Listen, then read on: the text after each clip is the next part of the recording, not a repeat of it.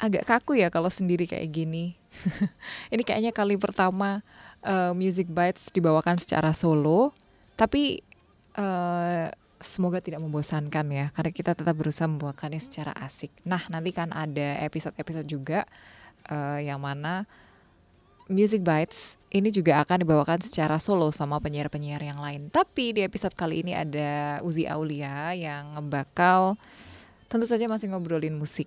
Dan uh, yang diobrolin kali ini agak beda karena sesuai sama minat aku juga sih. sesuai sama minat saya gitu warga Star. Uh, tapi kalau misalnya ngomongin musik bites itu nggak lengkap tanpa rekomendasi musik juga uh, musik yang akhir-akhir ini lagi sering didengarkan sama para podcaster.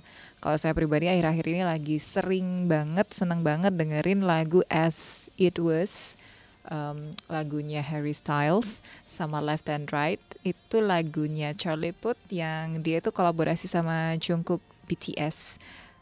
Uh, asik aja gitu kalau didengerin ya. Apalagi sekarang itu kan tren musik dengan tune jadul itu kan lagi tren lagi. Nah, kebetulan musik jadul itu di telinga saya tuh udah jodoh banget gitu makanya kayaknya kalau misalnya dengerin lagu-lagu mereka kayak berasa damai gitu. Kayak saya menemukan diri saya sendiri di sana. Nggak tahu nih kalau misalnya warga star kayak gimana um, apa apakah itu termasuk selera musik anda gitu ya? Oke uh, sekilas saja itu tadi tentang lagu yang akhir-akhir ini lagi saya dengerin. Music Bites Mulik musik bareng Star FM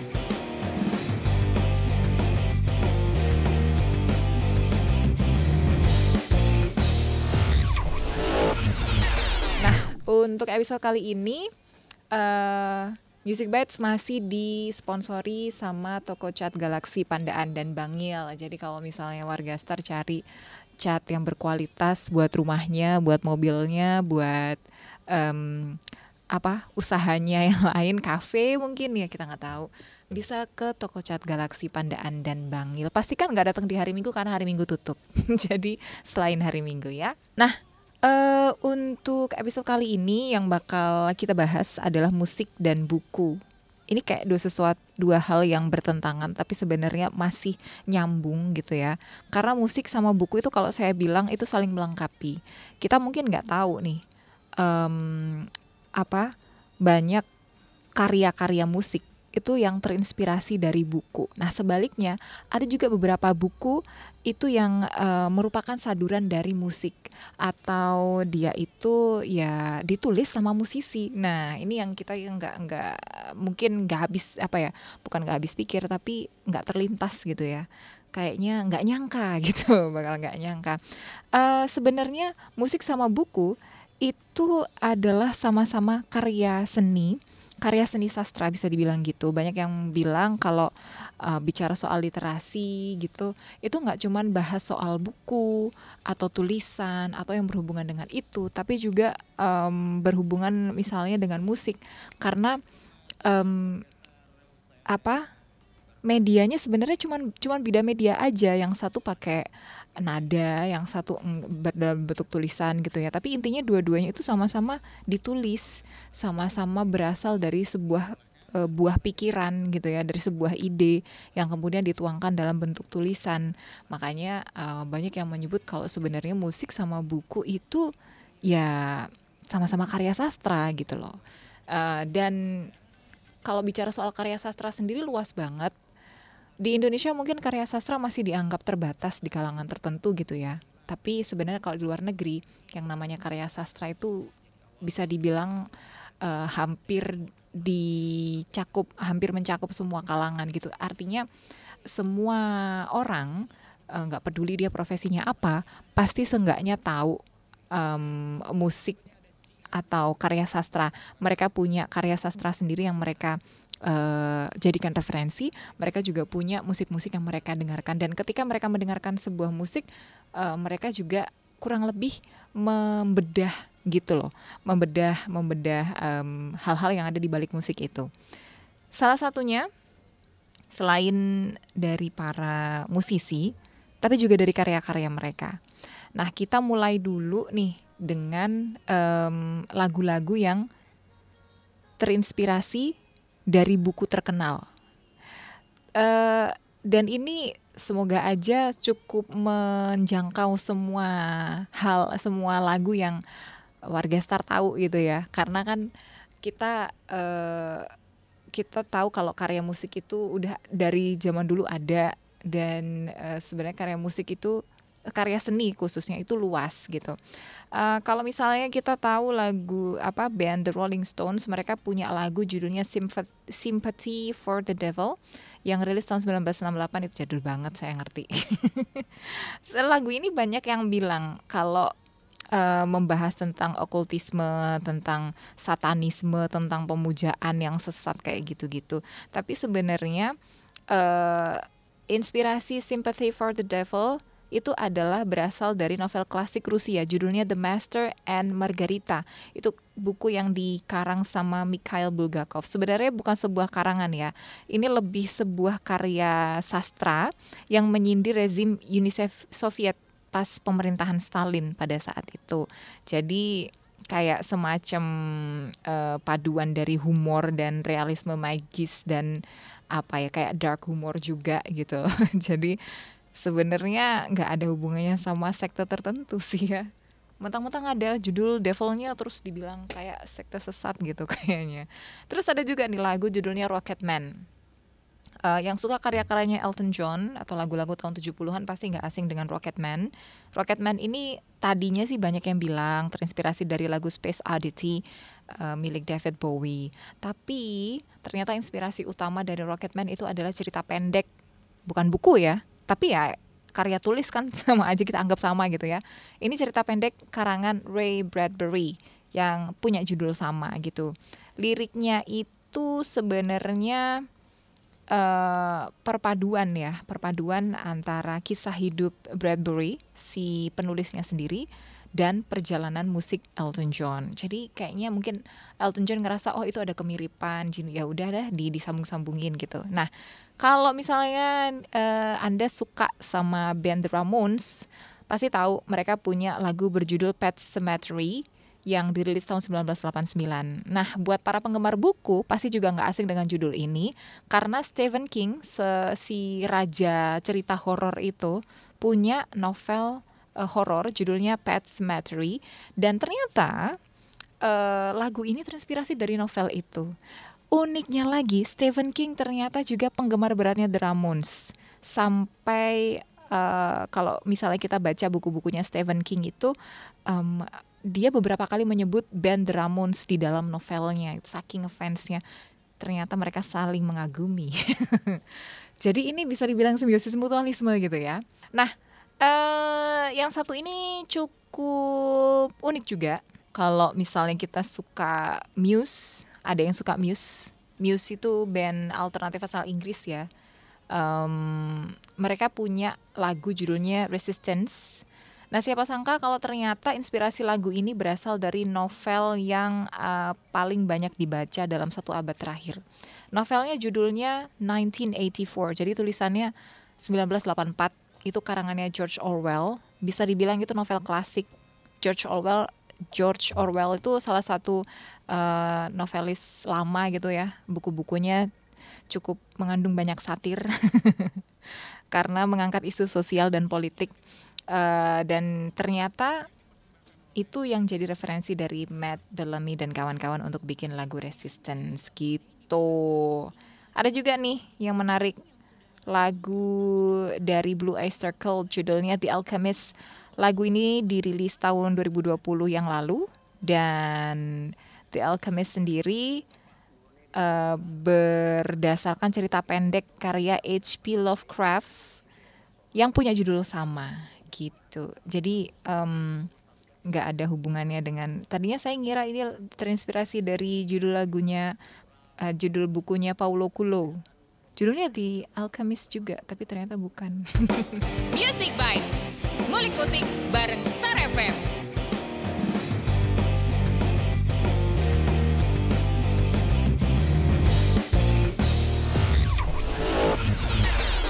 Eh tapi nggak cuma musisi barat loh.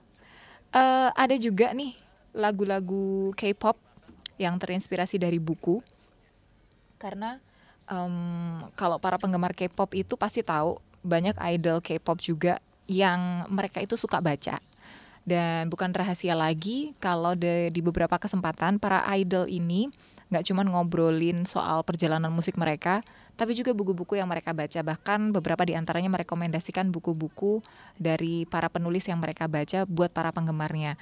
Di situ setidaknya secara nggak langsung mereka juga mengkampanyekan uh, budaya membaca, budaya literasi gitu ya, supaya nggak cuman penggemarnya, eh, nggak cuman idolanya aja yang cerdas, tapi juga penggemarnya.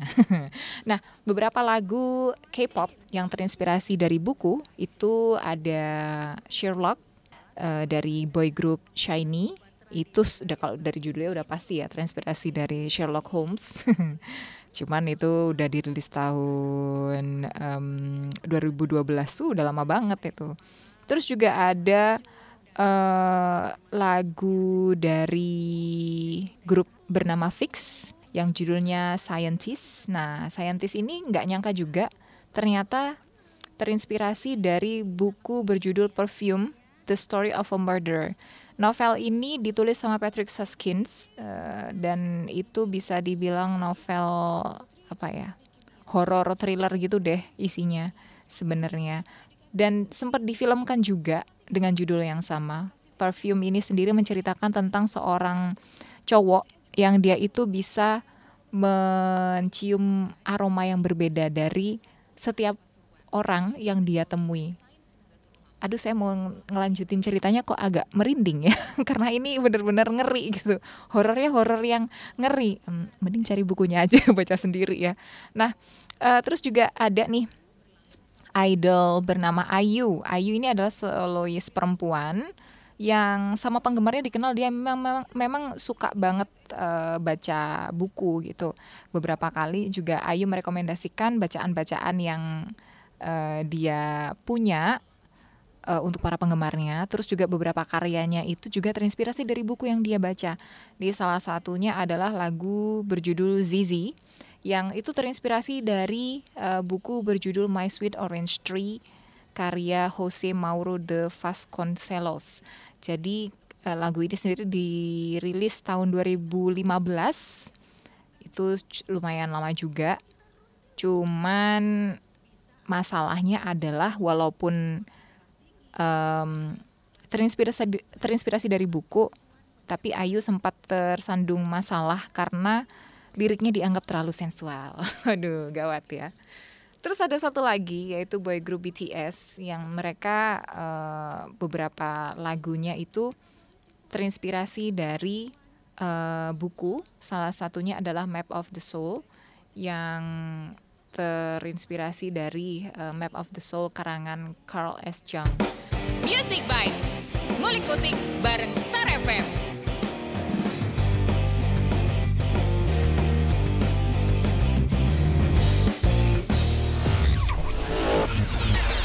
Nah itu beberapa karya yang uh, karya musisi yang um, apa terinspirasi, terinspirasi dari buku dan bahkan ada juga nih yang uh, penulisnya justru ngefans sama musisinya gitu ya. Tapi mereka nggak cuman uh, bikin karya berdasarkan buku sih. Ada juga beberapa musisi yang mereka itu juga nulis buku dan bukunya juga beda-beda gitu. Ada yang nulis komik, ada yang berupa novel, Kayak Gerard Way, Gerard Way kita tahu vokalisnya My Chemical Romance. Dia itu pernah rilis seri komik judulnya The Umbrella Academy. Dan waktu mengerjakan um, komik ini dia dibantu sama seorang ilustrator bernama Gabriel Ba. Kita juga mungkin tahu um, musisi bernama Tom DeLonge. kita tahunya dia musisi uh, apa rock gitu ya, frontmannya Angels and Airwaves, tapi dia ternyata juga seorang penulis. Dan gak nyangka juga Tom ini udah nulis 8 buku. Wuh, keren banget. Ada juga nih uh, Pete Wentz. Pete Wentz yang merupakan basis band Fall Out Boy. Ini juga menerbitkan dua buah buku hasil karangannya sendiri. Judulnya The Boy with the Thorn in His Side dan Grey, masing-masing di tahun 2004 dan 2013 uh, kebanyakan sih isinya tentang pengalaman kisah hidup dia gitu ya. Jadi bisa dibilang ya semi semi biografi gitu deh Kalau bicara soal buku yang diterbitkan sama para musisi juga karya-karya mereka yang terinspirasi dari buku, sebenarnya punya efek positif juga. Karena secara nggak langsung tuh mereka udah uh, mengkampanyekan membaca ke para penggemarnya. Terus mereka juga menularkan semangat membaca itu gitu ya. Karena kita tahu biasanya yang namanya baca mungkin bukan bukan kita tahu ya tapi rat biasanya di kalangan masyarakat itu yang namanya baca cuma di kalangan buat kalangan akademisi buat orang-orang yang uh, kerjanya kantoran atau di pemerintahan atau di pendidikan kayak gitu. Kayaknya kalau musisi enggak, oh jangan salah. musisi justru uh, waktu itu Anggun Cipta bilang justru harus lebih banyak baca karena karya-karya musisi yang membaca itu justru malah terasa lebih bermakna dibandingkan para musisi yang nggak pernah menyentuh buku sama sekali. Uh, itu apakah sindiran? uh, dan ini juga apa ya jadi bikin para penggemar um, tidak meniru efek jelek apa maksudnya kebiasaan buruk dari para musisi. Justru mereka akan meniru oh ternyata idola saya tuh suka baca ya. Ternyata walaupun mereka main musik kelihatannya urakan tapi ternyata mereka masih mempedulikan yang namanya ilmu pengetahuan dan hal-hal seperti itu gitu. Um, karena durasi, kayaknya kita bakal bahas lagi soal literasi dan musik ini di kesempatan yang akan datang ya, soal musik dan buku ini. Jadi um, terima kasih nih buat Stai CTSNU yang juga sudah menjadi pendukung podcast untuk episode kali ini. Kalau warga Star cari kampus yang jurusannya lengkap, bisa kasih beasiswa juga bisa ke Stais ITS NU. Dan kalau misalnya mau menyimak episode-episode lain dari Music Bites, termasuk yang satu ini, anda bisa dengarkan lewat Spotify, Apple Podcast, Google Podcast, dan channel YouTube Star FM 105.5. Jangan lupa untuk like, comment, dan subscribe. Jadi kita nanti akan ketemu lagi di episode mendatang dengan para podcaster lain.